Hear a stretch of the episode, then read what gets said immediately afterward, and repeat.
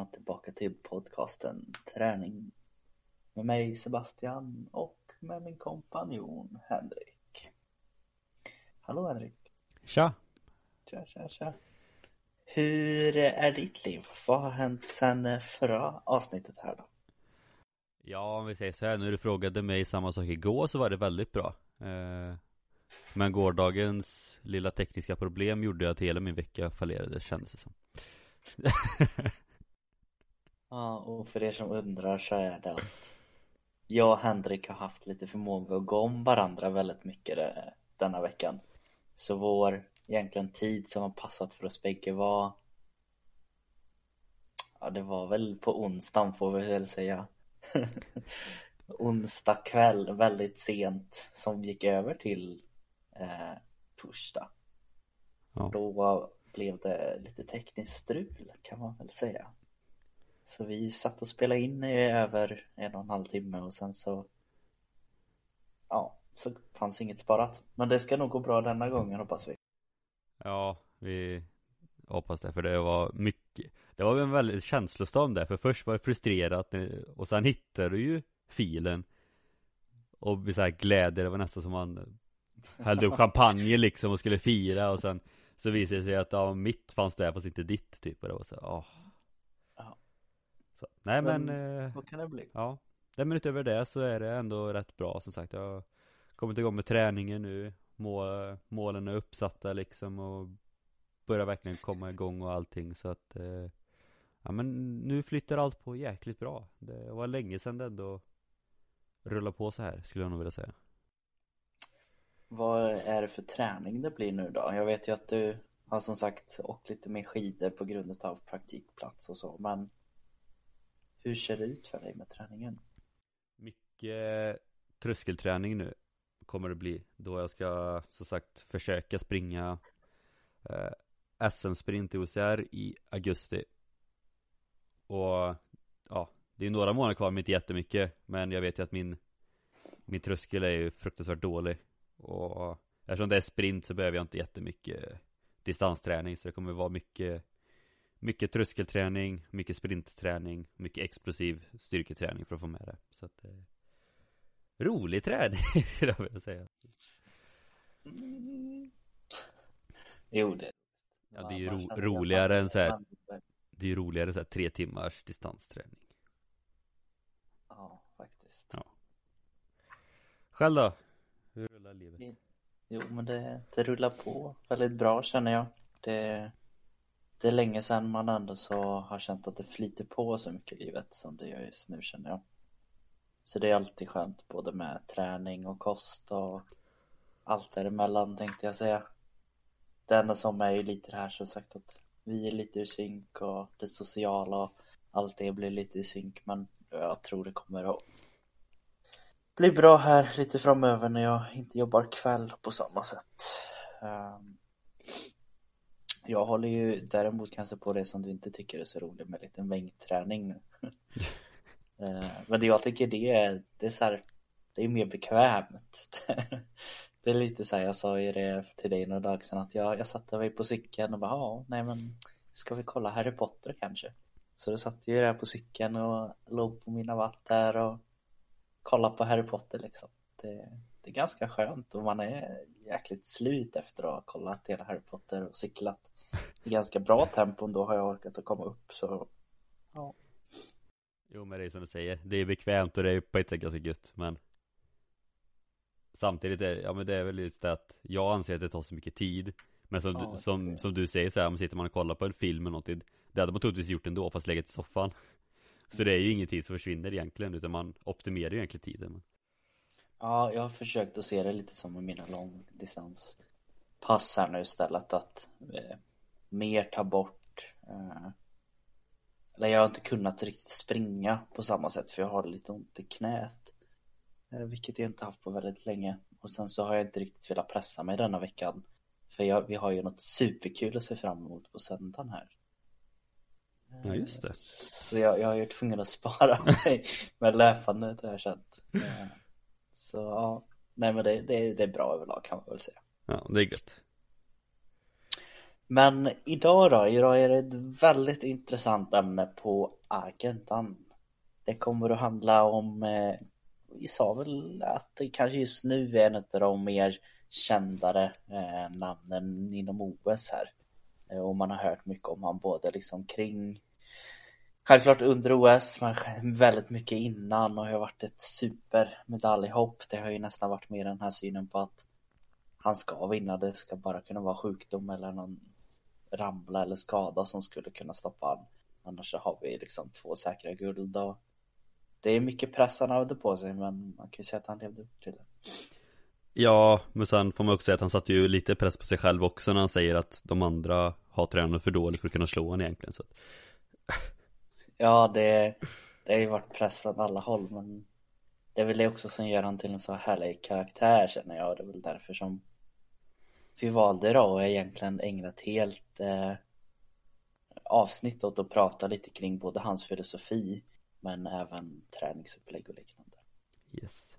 Så den vi kommer prata om idag då, det är Nils van der Poel och det är vår skridskostjärna som åker 5000 och 10 000 meter skridskor.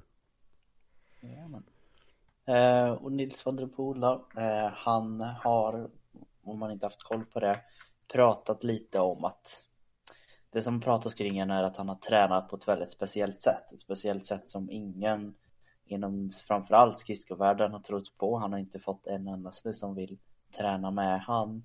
Eh, man har ställt frågan är han ett geni eller en, eh, en idiot? Eh, det har kommit upp väldigt mycket och då har man ju självklart undrat hur har Nils liksom tränat? Det måste ju vara något konstigt. Det enda man har förstått är att han har tränat väldigt, väldigt mycket. Men han har ju också sagt där redan innan OS här att när OS är klart då är tanken att han skulle släppa ett litet dokument om hur han tränar.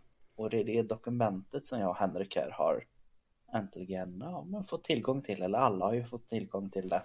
Och vi ska försöka sammanfatta den här intressanta texten. Yes. Men innan vi går in på hur dokumentet är upplagt så tänkte vi bara att vi ska bara dra lite kort vem Nils är och lite bakgrund. Och ja men går man in på liksom ja, väldigt i början så man har åkt skridskor i hela livet. Eh, åkte mycket med sin syster som han tävlar väldigt mycket med och jag vet hans syster pratade om det i dokumentären som finns på SVT liksom att hon var ju ofta liksom snabbare än vad han var Men då hittade han nya sätt att tävla på så att även om hon var snabbare på ja, med 10 varv eller vad, men då kanske han åkte 11 varv istället bara för då åkte han ett varv längre Eller om de var ute och sprang så sprang han en kilometer längre för då var han alltid värst ändå liksom. Och sen under juniortiden så vann han eh, dubbla VM-guld för juniorer. Och sen när han var 18 år sedan så eh, Jag tror det var när han var 18 i alla fall Så tog han en paus på skridskorna och så gick han en militärutbildning. Och när han var klar med den så satsade han på OS Igen. Och då var det väl 2018 Nej? 2000 Jo. Jo, 2018 Jo det stämmer, det stämmer. Eh, I Pyeongchang. Och där kom han på 14 plats på 5000 meter Och åttonde plats på 10 000 meter. Och även efter det så tog han ytterligare en paus För att ta värvning tror jag väl att det var. Mm. Och efter att han tagit värvning Så ja men då ska vi satsa igen. Så då satsade han på OS i 2022 och det är ju då den här satsningen som det här träningsprogrammet då har ja, men, använts. Och det träningsprogrammet har gjort att han tog två VM-guld 2021 och han satte även två världsrekord 2021 och nu har han tagit två OS-guld 2022 varav ett eh, världsrekord på 10 000 meter. Och eh, bara för att få lite bakgrund just med eh, kanske den här att ta uppehåll och där låter som man slutar och lägger liksom skridskorna helt och hållet och tränar inte. Men som ni hörde just att ta värmning och jobba inom militären så har jag fortfarande varit väldigt fysiskt aktiv hela tiden. Eh, han tog som ett exempel att eh, han sa att han var som alla andra som hade tagit värmning, att han kunde liksom skotta 125 kilo knäböj och han kunde springa milen på 40 minuter. Och tar man den här, jämföra bara 40 minuter mot medelsnittet eh, någonstans kring eh, män här så ligger det på 20 till 24 så ligger medelhastigheten på 51-40. På 25-29 så ligger den på 53-31. Sen har vi faktiskt demografiskt mycket mellan 45 till 49 kan ju vara kul att säga och då ligger det på 55 till 35.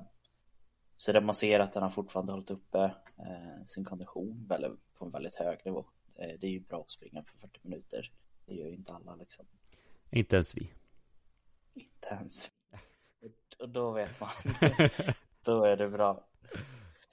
Nej, men eh, som sagt det här programmet då, det var ju som sagt under den här satsningen eh, på egentligen att försöka eh, ta OS-guld eh, var ju självklart prio, men även kunna förbättra tiden så mycket som man kunde. Och han har väl haft mer fokus och kanske även upplevt att vara bättre på just 10 000, 10 000 meter, eh, eller 10 000 där.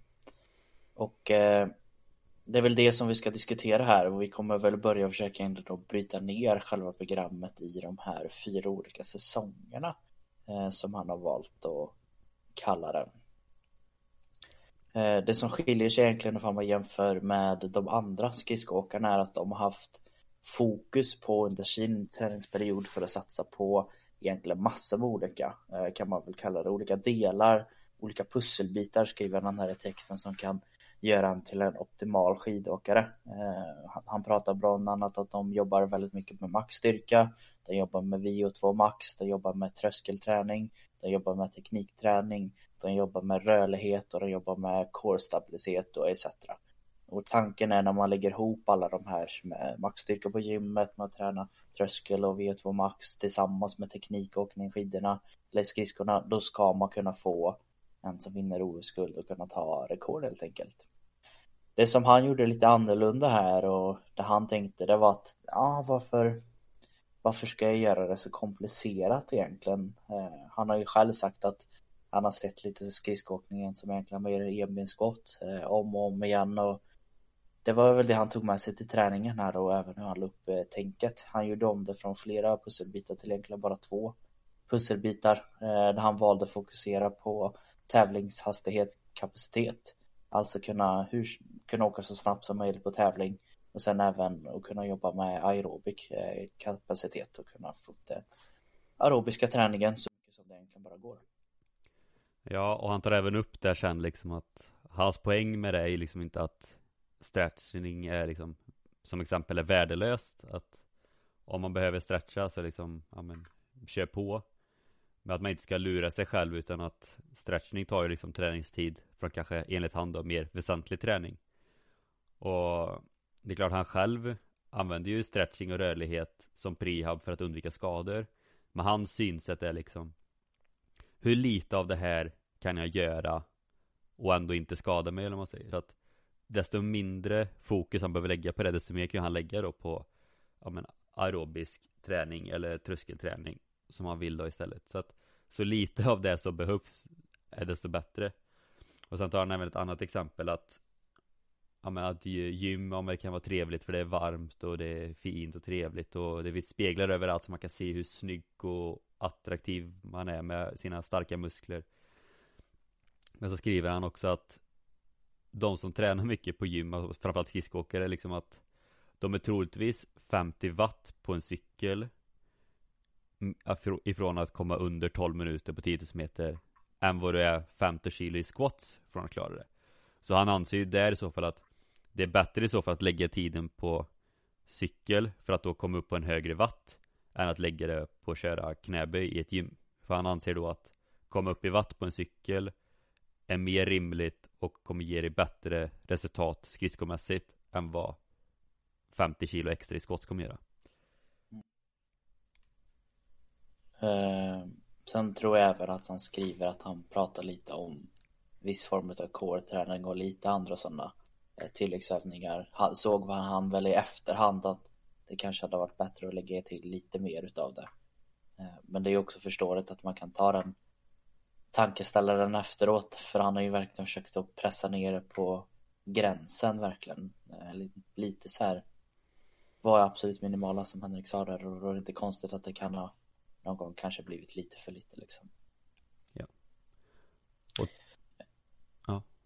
Ja, eh, jag tänkte förklara eh, lite snabbt och eh, just vad eh, de här uttrycken lite som vi använder. Eh, för vi kommer använda både eh, aerob och anaerob träning. Eh, så ni egentligen bara får en liten återställare. Vi har pratat om det förut. Men lite bara snabbt vad det betyder. Och aerob, enkelt uttryck kan man väl säga att aerobträning är en träning eh, där du inte får syrebrist och mjölksyra. Eh, när du, säga att när du tränar liksom kroppens uthålligt, uthållighet under en längre tid eh, använder du det aeroba systemet, alltså att du tillför eh, att kroppen hinner liksom ta upp så mycket syra och orkar och fortsätta jobba eh, och kroppen hinner och liksom fortsätta utvinna energi och det kommer ju då framförallt från kolhydrater som vi pratade lite tidigare eh, men det är väl det som aerob träning egentligen eh, står för. Eh, har du något mer om det? Nej, men det är väl sagt kort och gott att är det med aerob träning eller aerob kapacitet så är det ju att då ska man klara av att hålla på under en längre tid för att mjölksyran hinner liksom inte byggas upp till den nivån så kroppen inte kan ta hand om utan så länge kroppen kan ta hand om det så klarar man av att hålla ett visst tempo för att mjölksyran inte hinner bygga upp till en viss nivå i de flesta fall så är det 4 millimol eh, laktat då. Och sen så kommer du till anaerob då. Då är det när man kommer över den 4 millimol då. Och då klarar inte kroppen av att ta hand om det. Vilket gör att mjölksyran bara byggs på, och byggs på. Det är då man blir trött. Och man brukar också kunna jämföra med kanske med ett 400 meters lopp så brukar man ju se att de sista 100 meterna är de fruktansvärt trötta och de springer inte alls lika fort. Det är för att de har väldigt mycket mjölksyra i benen. Kontra en typ maratonlöpare som håller ganska jämnt tempo i, ja men vad är det, två timmar någonting. Bara för att då ligger de precis under den anaeroba tröskeln. Så då kör de aerobt hela tiden så kroppen kan ta hand om mjölksyran som sagt. Mm. Och även på anaerob så är det ju som sagt eh, det behövs inget syre som så utan det är ju framförallt eh, glukos eh, som används som bränsle. Ehm, och det vanliga kanske är för om man inte riktigt är inne i det, det är väl att under ett träningspass så brukar det både ske aerob och anaerob. Eh, men det är lite just när man behöver och ligga på en högre nivå eh, som han gör självklart. Då är det ju mer att man jobbar mycket mer med att ha koll på både trösklar och liknande och att man inte kommer över och får högt i puls och allting.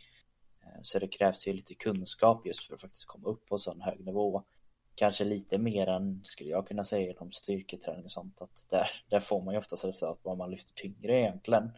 Det är klart att man kan optimera eh, återhämtning och liknande men jag tror det, det känns svårare med konditionsträning och bara höfta det lite om man verkligen får resultat.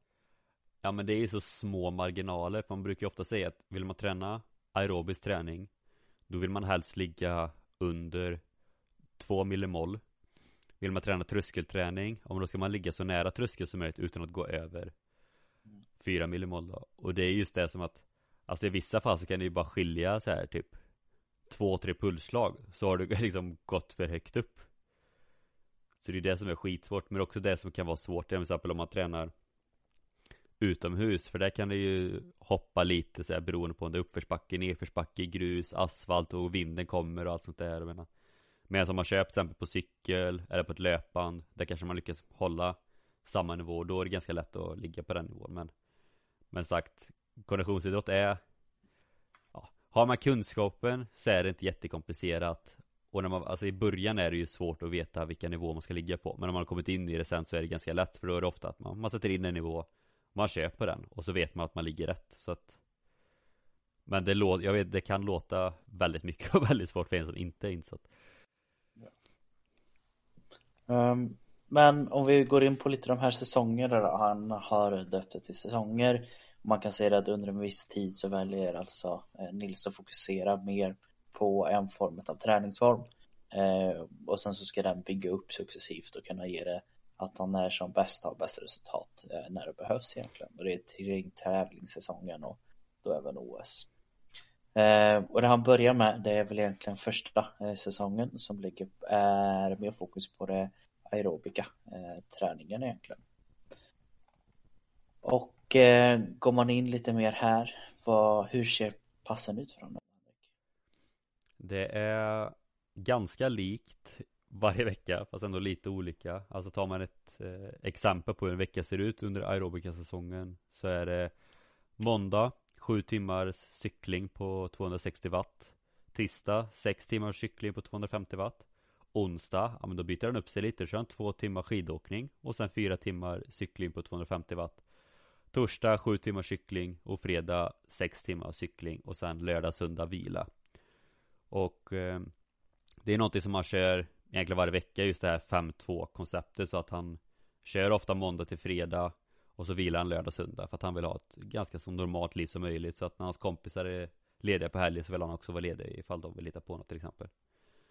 Men eh, sen brukar han också ibland göra lite olika utmaningar just för att det kan bli väldigt monotont och ganska tråkigt att cykla ja men 6-7 timmar varje dag bara. Så att ibland kör han liksom att ja men en 100 kilometers eh, löp challenge eller en femdagars eh, löpstege liksom där han börjar på en viss kilometer och så ökar han för varje gång. Eller att han ska komma ett visst antal kilometer på cykel liksom och allting. Och så har han även tagit med att han beskriver liksom att han kan inte avgöra själv om han kommer vinna OS eller inte för då är det liksom konkurrenter och motståndare och mycket kan hända. Men men om han ska klara av en 100 kilometers ultrarun eller inte Det kan ju han avgöra helt själv för det är bara han själv som kan påverka det. Men som sagt det är väldigt långa pass Och där han liksom kör och ligger på samma nivå under hela tiden då för att ligga på samma puls och samma laktat hela tiden för att få ut den aerobiska träningen som man vill ha. För sagt, har han lite mer varierat, om man kanske sticker puls lite då och då och då kanske han inte tränar det aerobiska systemet som man vill göra. Så det är därför det är väldigt monotont och väldigt länge också. Så det är väldigt långa pass och man märker ju här att han fokuserar liksom mer på att få in timmar än antal pass. För om man jämför med många andra elitidrottare då framförallt då kanske typ skidåkare eller någonting som tränar väldigt mycket så kanske de kommer upp i 12 till 14 pass i en vecka Medan Nils oftast bara kör fem pass i veckan Men hans pass är väldigt långa Medan många andra kör lite, ja, precis som Sebastian sa att de kanske kör En timma där, en timma där, tre timmar där liksom Medan Nils kör han kör sina sju timmar så han klar sen Sex timmar så han klar sen Det blir lite som en arbetsdag för honom liksom Ja Så där har vi egentligen eh, första säsongen Andra säsongen då, eh, här går han på lite annan form av träning. Här går han in en säsong som man kallar tröskelsäsong. Och tröskelsäsongen kommer ju då självklart att skilja sig till viss del självklart. Eh, det är ju annan form av träning som man vill få in. Eh, men eh, man kan väl säga att den här tanken med att fortfarande jobba med 5-2, den håller han fortfarande i. Att han vill ha viktigt att det ska vara viktigt att kunna få de här eh, lördagssöndagarna eh, lite mer fritt. Så tar man ett exempel eh, på hur ett sånt här pass skulle kunna se ut. Eh, då börjar han måndagen eh, med fem timmars cykling. Och sen efter det så går han på lite mer form av eh, intervalltänk kan man väl kalla det. Att han jobbar med fem minuter där han jobbar på 200 watt på cykeln. Sen går han på sex minuter där han jobbar med 260 watt Sen efter det blir det ytterligare lite intensivt där han jobbar fyra gånger 30 minuter. Och då jobbar han på eh, motståndet eh, 401 watt. Och sen så får han fem minuter vila. Och sen efter det så blir det två och en halv timme cykling igen på 220 watt. Och han håller lite liknande här egentligen under hela veckan. Eh, det han kan höja lite och det han höjer är egentligen under de här intervallerna när han jobbar fyra gånger 30 minuter, alltså 30 minuter verkligen trycker ur benen ordentligt. Då börjar han på 401 watt och sen på tisdag är det 405 watt och sen på onsdagen är det 408 watt. På torsdagen är det 405 och sen på fredagen är det 406. Eh, så lite skiljer det men han håller liksom grundtanken detsamma med att hålla det lite längre pass. Och det som skiljer i vatten är ju troligtvis för att han drar ju kanske ner ett Ja men han går upp lite i vatten och då kanske han kör en intervall extra fast kortare tid och liknande och Som sagt Det, in, det som är under den här tröskelsäsongen då är, för han skriver också att han Han ligger ju under, strax under 4 millimol laktat per liter då för att mm. öka tröskelvolymen. För går han då över, som sagt, då blir det inte tröskelträning längre, då blir det nivån över. Så att när han ligger strax under den här tröskel eh, tröskelnivån och tränar på den nivån så innebär det att han liksom förskjuter den till höger vilket gör att men, nästa gång han går in i en sån här tröskelsäsong då kanske han kan ligga på lite högre watt eller lite längre tid innan han når över 4 miljoner Uh, ja, det, det är väldigt enkelt att säga det. Jag vet att jag har använt lite någon form av det här att man ökar sin tank med bensin liksom att man, man vill ge det mer utrymme innan bensinen tar slut uh, och verkligen kunna fylla på med det så mycket som möjligt.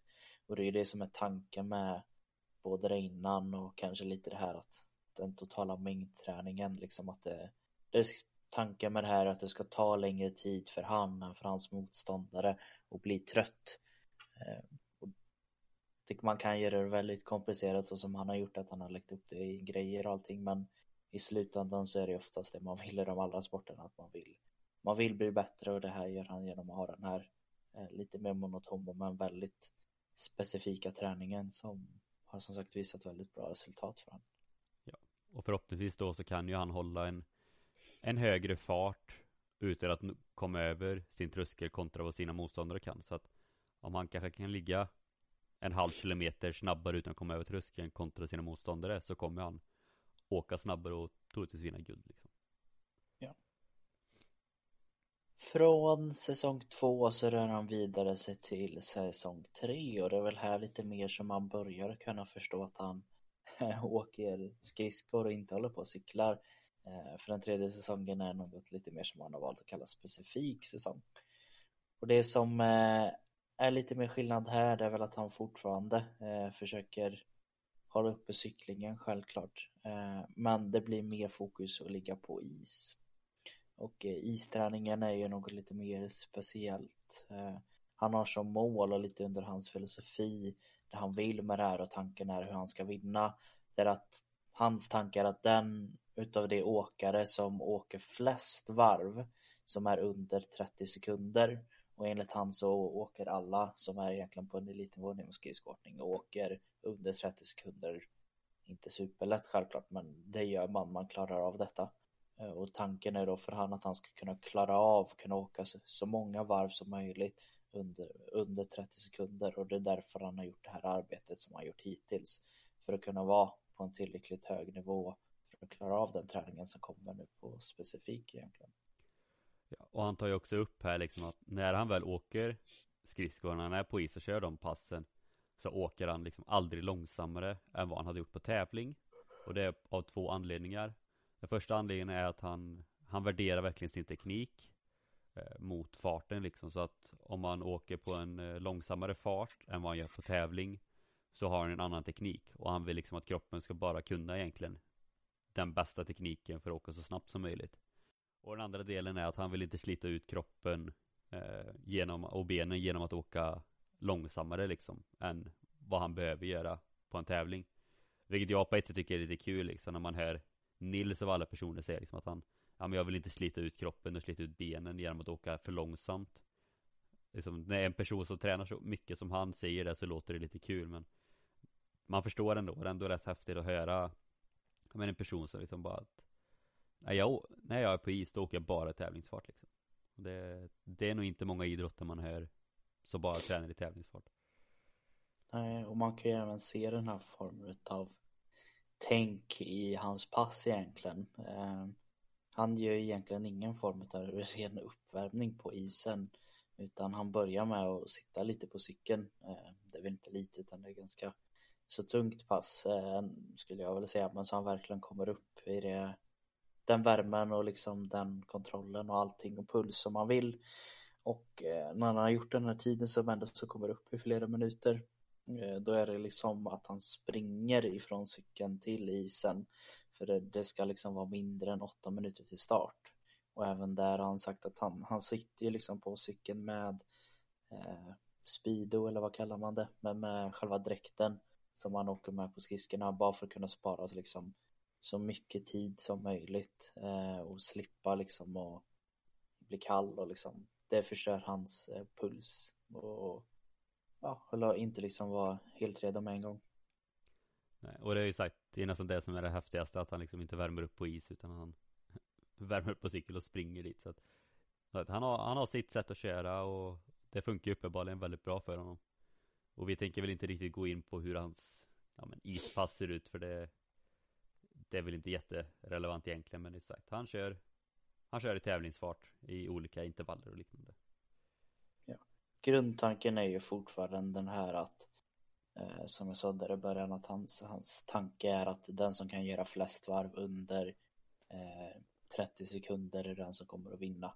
Och det är det han tränar utifrån med olika former utav vila eh, och även olika former utav eh, hur många gånger han gör det helt enkelt.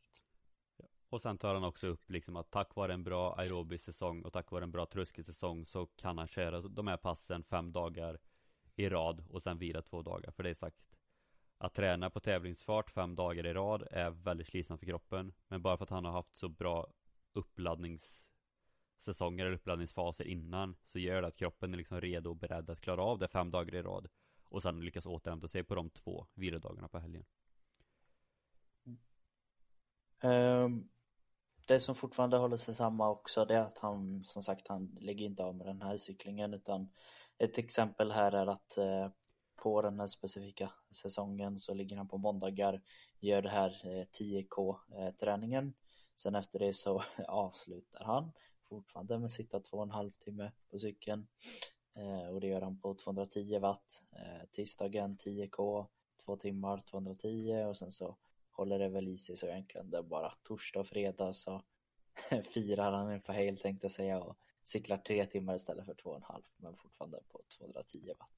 Det vill säga, alla brukar säga att de kör alltid lite nedjogg eller nedcykling efter träning och det, det är ju det han gör fast väldigt länge. Ja, det är ju det och det är ju som sagt tack vare all den här formen av mängdträningen som han har gjort.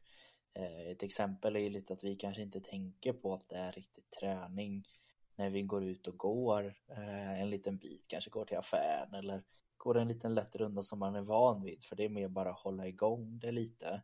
Men han har ju kommit upp på en sån hög nivå Nils att det är det här som krävs för att han ska liksom ha den här mängdträningen, de här timmarna och den här extrema, man kan inte kalla det något annat, men liksom extrema kapaciteten. Ja men det är ju, det är ju sinnessjukt liksom. Mm. Och sen, eh, det här är väl ingen egen säsong, utan den tillhör väl liksom lite den specifi specifika säsongen. Och vi har väl valt att kalla det för formtoppning. Eh, han kallar det overreach and tapering och det betyder egentligen bygga upp och ja, återhämta sig. Och det han lyfter där är att det här är väldigt individuellt och man måste liksom ha koll och vara vaken under hela den här tiden för att om man ser tidigt att det inte funkar som det är planerat, då kanske man måste ta en extra vilodag eller vilodagar tidigt liksom och sen börja bygga upp igen. För att om man bygger upp så kör man ju väldigt hårt och sen är ju tanken att man ska egentligen vila sig lite i form till en tävling. Men känner man liksom att man går på alldeles för hårt så kommer det ge motsatt effekt. Så det gäller verkligen att känna sin kropp där. Och han har även tagit med ett citat liksom lite, eller ja, han brukar säga att If you're listening to the body when it whispers to you, you don't have to hear it scream. But in order to understand what it whispers, I have to understand its language. Vilket, ja, egentligen betyder att om man bara lyssnar på kroppen när den viskar lite smått att det inte funkar, så gäller det att lyssna. För då behöver man aldrig höra kroppen skrika liksom att nu får du fan ta och sluta. Men alltså lyfter han verkligen det också att man måste också veta så man pratar samma språk, så man måste förstå sin kropp liksom. Så att, är det träningsverk? Är det en skada? Är det sjukdom? Är det trötthet? Liksom vad, vad är det som inte funkar? För då vet man liksom också att Okej, okay, men det är det här, det är ingen fara. Eller det är det här, då ska jag verkligen inte träna mer. Och det är också det som är en fördel med just det monotoma programmet han har. För det blir så lätt för en då att lära känna sin kropp. Och sen om något inte funkar så märks det väldigt lätt. För så att kör han samma sak varje dag hur länge som helst så blir det väldigt tydligt liksom att okej okay, så här ska det inte kännas och då vet han om det och då kanske han får ta en extra vilodag för att komma tillbaka på på rätt bana igen. Mm. Och det vill jag också se att även om han har varit så här extremt noga med att så här ska det se ut oavsett vad och han pratar även att han har hållit det simpelt för att liksom kunna bara eh, köra igenom att han struntar i om det regnar eller om det är tråkigt eller inte utan han har gjort det som ska men han har ju även förståelsen i kanske framförallt med den här eh, formen av träning som Henke sa där att det behövs individualiseras och det, det är väl det som är det svåra eh, och det är då det blir ju lite mer få form här och liksom hamna i form på exakt rätt tillfälle. Det kan ju skilja så lite faktiskt med själva den här och när det är som bäst. Man kan kanske missa bara en vecka men en, en vecka är liksom det är kört då. För en vecka är, då har du redan gjort kanske tävlingarna som du behöver vara bäst i. Då kanske det är att du missar och inte ens får medalj liksom på OS. Men sen någon vecka efteråt så är du liksom i toppform och kan slå ett världsrekord. Men då är det för sent liksom. Eh, så det är ju väldigt svårt. Eh, och han klarar ju bra som sagt. Men det är det som är så häftigt nu, alltså tittar man på OS för det är så många guldhopp som i vissa fall kanske är givna som inte tar guld för de kanske har missat formtoppningen med någon vecka eller bara kanske bara några dagar och ibland kan det komma någon som tar ett skrällguld troligtvis för att de verkligen har formtoppat på exakt rätt dag liksom.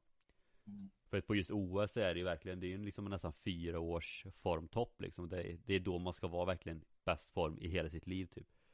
Och det är ju så att ja, de som har lyckats bäst med formtoppningen De kommer vinna guld. De som inte har lyckats lika bra med formtoppningen Kommer troligtvis inte ta guld Eller kanske inte ens en medalj liksom. Så det är Det är väldigt små marginaler och det är också det som att De som känner sin kropp bäst Kommer troligtvis lyckas bäst också.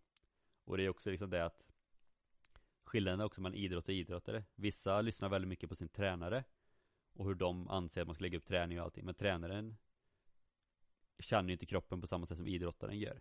Som inte idrottaren vet hur sin kropp funkar Så blir det också svårt för tränaren att lägga upp träningen. Medan som en sån som för Nils Som känner sin kropp utan och innan Så blir det väldigt lätt att känna liksom att Nu känns det bra. Eller nu känns det bara, bara en liten procent fel. Ja men då tar han en vilodag liksom ja.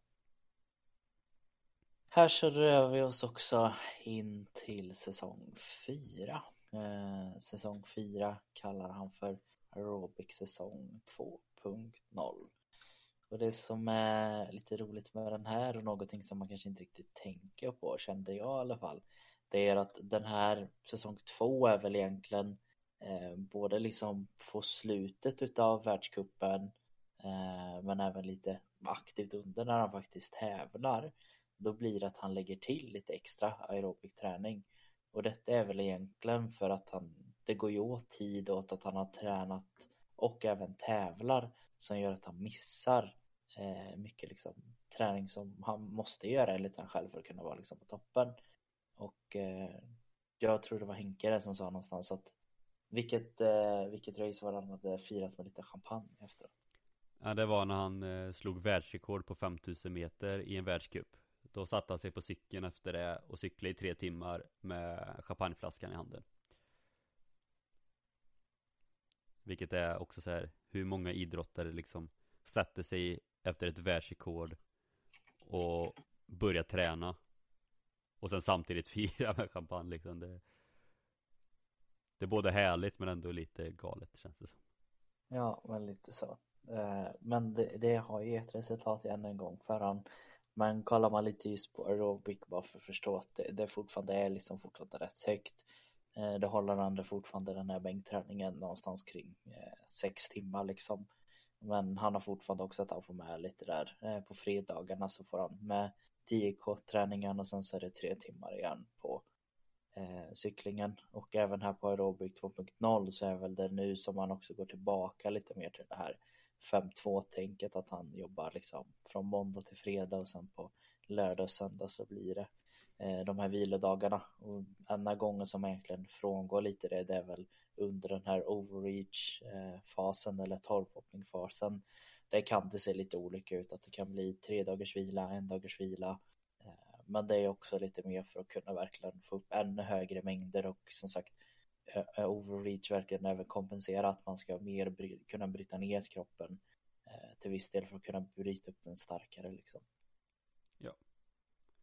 Och det var väl de fyra säsongerna som han kör och sen så är det ju ändå ganska mycket runt omkring han tar även upp i det dokumentet en del om det mentala och tar man liksom enbart mot träningsprogrammet så tar han till exempel upp att det är många hårda ja, men, veckor och dagar och liksom under vintern så kör han liksom upprepade veckor av 240 varv på isen som är under 30 sekunder. Och han tar även upp att det tar krävs väldigt mycket mental styrka för att ta sig igenom alltså både de ispassen Men även programmet överlag just för att det är så monotont. Att det är liksom inte många som klarar av att köra 30 till 40 timmar cykling i veckan. Alltså det kanske inte är jättejobbigt för en som är vältränad som Nils Men det är just det mentala liksom att Bara sätta sig på en cykel och cykla i sju timmar Det kan vara väldigt tufft mentalt liksom. Ja, och det är väl det som imponerar så mycket på när man hör den här mängden. Eh, och det har ju blivit väldigt ensamt för honom. Det har han ju sagt liksom att det är ju för det är ingen annan som har velat göra den här resan med honom eller varit med och stöttat han riktigt på det sättet. Att det är någon som tränar exakt samma för ingen har ju liksom trott på att det ska gå att kunna hålla uppe det här. Eh, även i början med hela texten så skriver han att han har liksom en nära vän som tror att det kan vara att han, det enbart är genetik, att det är därför som han klarar av det. Ehm, men han säger ju själv att det är självklart någon form av genetik, att han kommer kunna kunna upp och ha den här liksom mentala, eller den här fysiska kapaciteten och klara den här träningen. Men sen är det ju ännu mer skulle jag säga den här otroliga vinnarskallen och vilja göra lite, lite bättre hela tiden som gör att han faktiskt har klarat det. Det är ju bara att höra där från början när han var barn att han var inte bäst. Han, han åkte inte snabbast. Men det han gjorde, det var att han gjorde allting lite mer och lite bättre successivt för att kunna komma upp på de här att sprang en kilometer längre, han cyklade lite längre, han gjorde allt annat som alla andra liksom tänker att ja men jag orkar inte det här, det, det gör han. Han slarvar liksom inte utan han gör det 110 procent. Man märker verkligen hur viktigt det mentala är och jag tycker också det är lite kul med just det här programmet att han tar upp det för att det känns som att den mentala biten bara blir mer och mer viktig ja, egentligen för varje år som går att folk verkligen inser vikten av den mentala styrkan alltså både i tävlingssammanhang men även här då i träningssammanhang. För att hade inte Nils haft den mentala styrkan som han har då hade han aldrig klarat av att hålla det här träningsprogrammet. Och det är precis som Sebastian säger. Det är troligtvis också därför ingen annan har hakat på honom. För det är inte många som har den mentala styrkan som han har. Det är inte bara att Nils är en av de bäst tränade atleterna fysiskt. Jag skulle nog vilja säga att han är en av de bäst tränade atleterna mentalt också. Ja, och det märker man ju väldigt tydligt med den här jag kan väl kalla det mogna på något sätt men den här otroliga förståelsen som man tycker väldigt många gånger på hur viktigt det är med det sociala. Eller som han säger att jag är Nils och jag gillar att åka skridskor. Det har liksom inte blivit som många andra är och bland annat mig själv och pratar man med majoriteten tror jag av folk som håller på med idrotter och börjar komma upp på någon form av elitnivå då blir det att man kopplar sig själv och har liksom identiteten det man håller på med. Som till exempel jag var ju Sebastian man tänkte ja ah, Sebastian handboll. Det, det var det enda man tänkte det var det enda jag tänkte att ja ah, men det är handboll liksom. Men att Nils har varit så tydlig med att, att han liksom dels att han alltid har gjort det han tycker är roligt och intressant och det ser man ju Eh, bara på liksom bara de här avbrotten som man har gjort liksom som man många andra skulle tycka är helt vansinnigt att göra ett avbrott när man satsar på att kunna bli så bra som möjligt i skridskor. Men för han var det liksom att nej jag vill göra göra det här nu. Och sen kommer den ner bara nej nu ska jag bli bäst i skridskor och få lite guld och slå ett rekord och men då gör han det liksom 100% inte att han velar utan det är liksom det som är fokuset.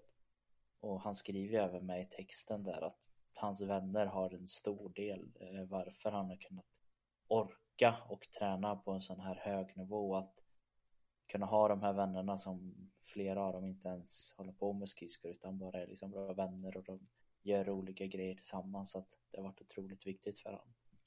Ja men det är också bara det som han tar upp egentligen när han pratar om det här 5-2 programmet att Mm. Alltså han har ju vila på helgen Och där har han inte planerat någon träning Men om hans kompisar vill åka åka Slalom eller om de vill gå ut och dra en vandring. Det är klart att han hakar på liksom För att det sociala är så pass viktigt för han. Pratar man om många andra idrottare Det behöver inte ens vara elitidrottare utan det kan bara vara så här semi-elit Eller liksom så här så är ju typ Alpin skidåkning Det är ju i många fall Förbjudet bara för det är så här skaderisk och allting. Och jag Mm. kommer ju som världens bästa skridskoåkare som Ja, men han gör det på sina vilodagar bara för att hans kompisar vill åka lite så det är också det som, som Sebastian säger där, att det är Nils som gillar att åka skridskor liksom. Det, och vill han göra något annat, men då gör han något annat. Men att anledningen till att han gjort det här programmet är för att han vill bli så bra på skridskor som möjligt. Men just att han lägger också in saker, andra saker man vill göra. Vill han åka, åka hoppa fallskärm, då gör han det. Liksom. Vill han åka och cykla tre timmar bort och köpa två kebabrullar så gör han det. det, men det är häftigt. Och det, det som ska bli väldigt intressant nu om man ska se vad, vad händer nu efteråt. Vi, man vet ju båda att Nils har ju haft tanken att ja, nu är det lite mer över. Han har gjort det han vill. Eh, han har liksom Ja, han är klar med själva skridskoåkningen. Men sen har det även varit, eh, vilket är förståeligt, för att han har ju egentligen bara haft fokus på fram till OS liksom. Det har varit det han har jobbat för. Sen så får man ju se. Eh, jag tror det är lite mer det här att han kommer nog oavsett vad inte planera om han vill fortsätta eller inte utan det kommer ju vara det här klassen att känner han för att det är något jag saknar som jag inte har tillfört i, i sporten eller något jag vill göra då vet man inte. Ehm, så vi får se hur det blir med hans karriär. Det som jag tycker kommer bli ännu mer roligt det är ju att kunna se nu när han har faktiskt släppt det här träningsprogrammet till alla. Vem som helst kan ju få tag i det här träningsprogrammet och läsa sig till hur han har tränat. Det är dels så kanske se om man kollar inom sporten. Hur många är det som kommer till nästa OS och försöka göra det här? Jag är ju väldigt svårt att tro att det kommer vara noll som gör det. Eller vad tror du Henrik? Jo men det var ju lite som vi pratade om i, när vi spelade in senast som eh, inte blev inspelat men Jag tror att det här kommer liksom vara ganska revolutionerande Att träna på det sättet han gör, alltså väldigt specifikt och inte ta med alla delar. För det är också som jag, jag var chockad över att han kör ju egentligen. Alltså under den här satsningen, framförallt de senaste två åren så har han typ inte haft ett enda styrkepass. Han får ju ganska mycket benstyrka liksom under cyklingen och löpningen och sånt där men Men det är som han själv skriver, man är ju van vid att det ska vara liksom styrketräning Distansträning, tröskelträning, VO2 max och allt det här med att han bara fokuserar på det som han anser är viktigt. Och sen att han kör så pass monotont som han gör tror jag kommer bli väldigt Det kommer vara svårt för många att följa just för att jag tror att det krävs en så hög volym på en monoton program för att det liksom ska ge bästa resultatet. Så jag tror det krävs väldigt mycket för folk att följa det. Men jag tror ju verkligen också att fler kommer följa det just för att han har ju bevisat nu att så här kan man träna. För det här är ju verkligen ett, ett helt nytt sätt att träna på. Det är ju mm. varken du eller jag har ju liksom någonsin hört om det här och då är vi ändå läst och pluggat träning ganska många år. Ja. Det har ju som sagt, det är ju det som är det så sjuka, det är ju mer vart åt, han har ju liksom vänt allt. Allt han har tänkt har han liksom vänt, vänt helt och hållet där man har trott ska vara rätt eller där man har forskat fram är rätt att du ska träna på det här sättet och vara för att kunna hålla dig liksom och prestera på bästa nivå eller bara det här att den lilla skillnaden att alla andra som åker skridskor, många av dem börjar åka snabbt de första, eh, första hälften av alla varv och sen så saktar de ner lite i slutet för de säger att ah, men vi får med oss farten in, att det ska liksom det ska kunna pressa dem. Men han har även där tänkt helt tvärtom att han börjar långsamt för att öka snabbare för att avsluta liksom och få med sig farten. Att det är sådana små detaljer som man eh, jag tror att alla har tänkt att men det, det är klart att det går. Det är ju det är dumt men det är också det som är så häftigt, kanske framförallt inom sport och idrott och träning är ju att när det är något nytt, först har det ju sett som idioti. Det har ju liksom det folk har ju skrattat åt folk som har revolutionerat sport eller träning att varför håller du på så där eller varför gör du det? Vem var det som, nu tappar jag namn på om man tänker i skidåkningen som började staka sig fram, har du koll på det? Nej Nej, nu, jag ska inte säga för då kommer jag göra bort mig. Men samma där, att sättet att åka liksom längdskidor på och helt plötsligt kunna staka sig, att det var ju liksom skrattat på. Sättet att springa på olika sätt och det är ju liksom, det, man har ju sett som dum. Det är liksom varit att vad håller du på med? Men nu för tiden så är det ju att, ja men det är klart man ska göra så. Men det är ju alltid någon som är först. Det är ju det som är intressant att vi faktiskt lever Kanske, det kan ju bli en flopp, det vet vi inte. Man kan ju inte säga hundra procent. Men det känns ju lite så att vi kan leva under en tid nu som vi får uppleva att det är en person som går ifrån allt man tror man vet och kan och visar med, det är inga dåliga liksom meriter bakom sig att vinna OS-guld och slå världsrekord och allting. Och det kommer ju att tvingas att göra att det behöver forskas extremt mycket kring det här. Och jag hoppas att det, det blir mer som kommer att kunna göra det nu när man kan ha Nils bakom sig i alla fall och kunna trycka på att det gick för hand. Nu vill vi forska om det här. Ja, det, det ska bli otroligt häftigt helt enkelt. Verkligen. Så vi får får se vad som händer. Vi får se om vi kan ha äran och kanske när det kommer en ny metaanalys på några forskningsgrejer just kring det här och vi bara ja, vi hade rätt där. År 2020-2022 Henrik, när vi var små och unga, då hade vi koll ja, eller så är det vi som gör den metaanalysen. Ja, det hade också varit häftigt. Men men, eh, här har du i alla fall fått ett litet smakprov i alla fall skulle jag kunna säga på just den här texten eh, som Nils släppte. Eh, bara för att förstå mängden utav det han har släppt ut så har han liksom släppt ut ett dokument eh, som heter How to skate 10k and also half eh, 10k och den ligger på 62 sidors lång text där han egentligen har bara skrivit ut allting som han har gjort. Han har lagt upp exakt hur han gör träningen. Han har liksom även skrivit med lite kommentarer på vissa former att han skrev att ah, men nu sprang jag men nu fick jag ont i knät så nu vilar jag i det här att han har verkligen med allt. Och är det så att du hade velat läsa mer som jag faktiskt tycker att det, det kan vara intressant eh, oavsett om du är elitidrottare eller bara vill liksom komma igång och få en extrem eh, mental boost i att liksom tar i tag och börjar träna då kan du hitta den här texten på howtoskate.se så kommer du hitta den. Yes.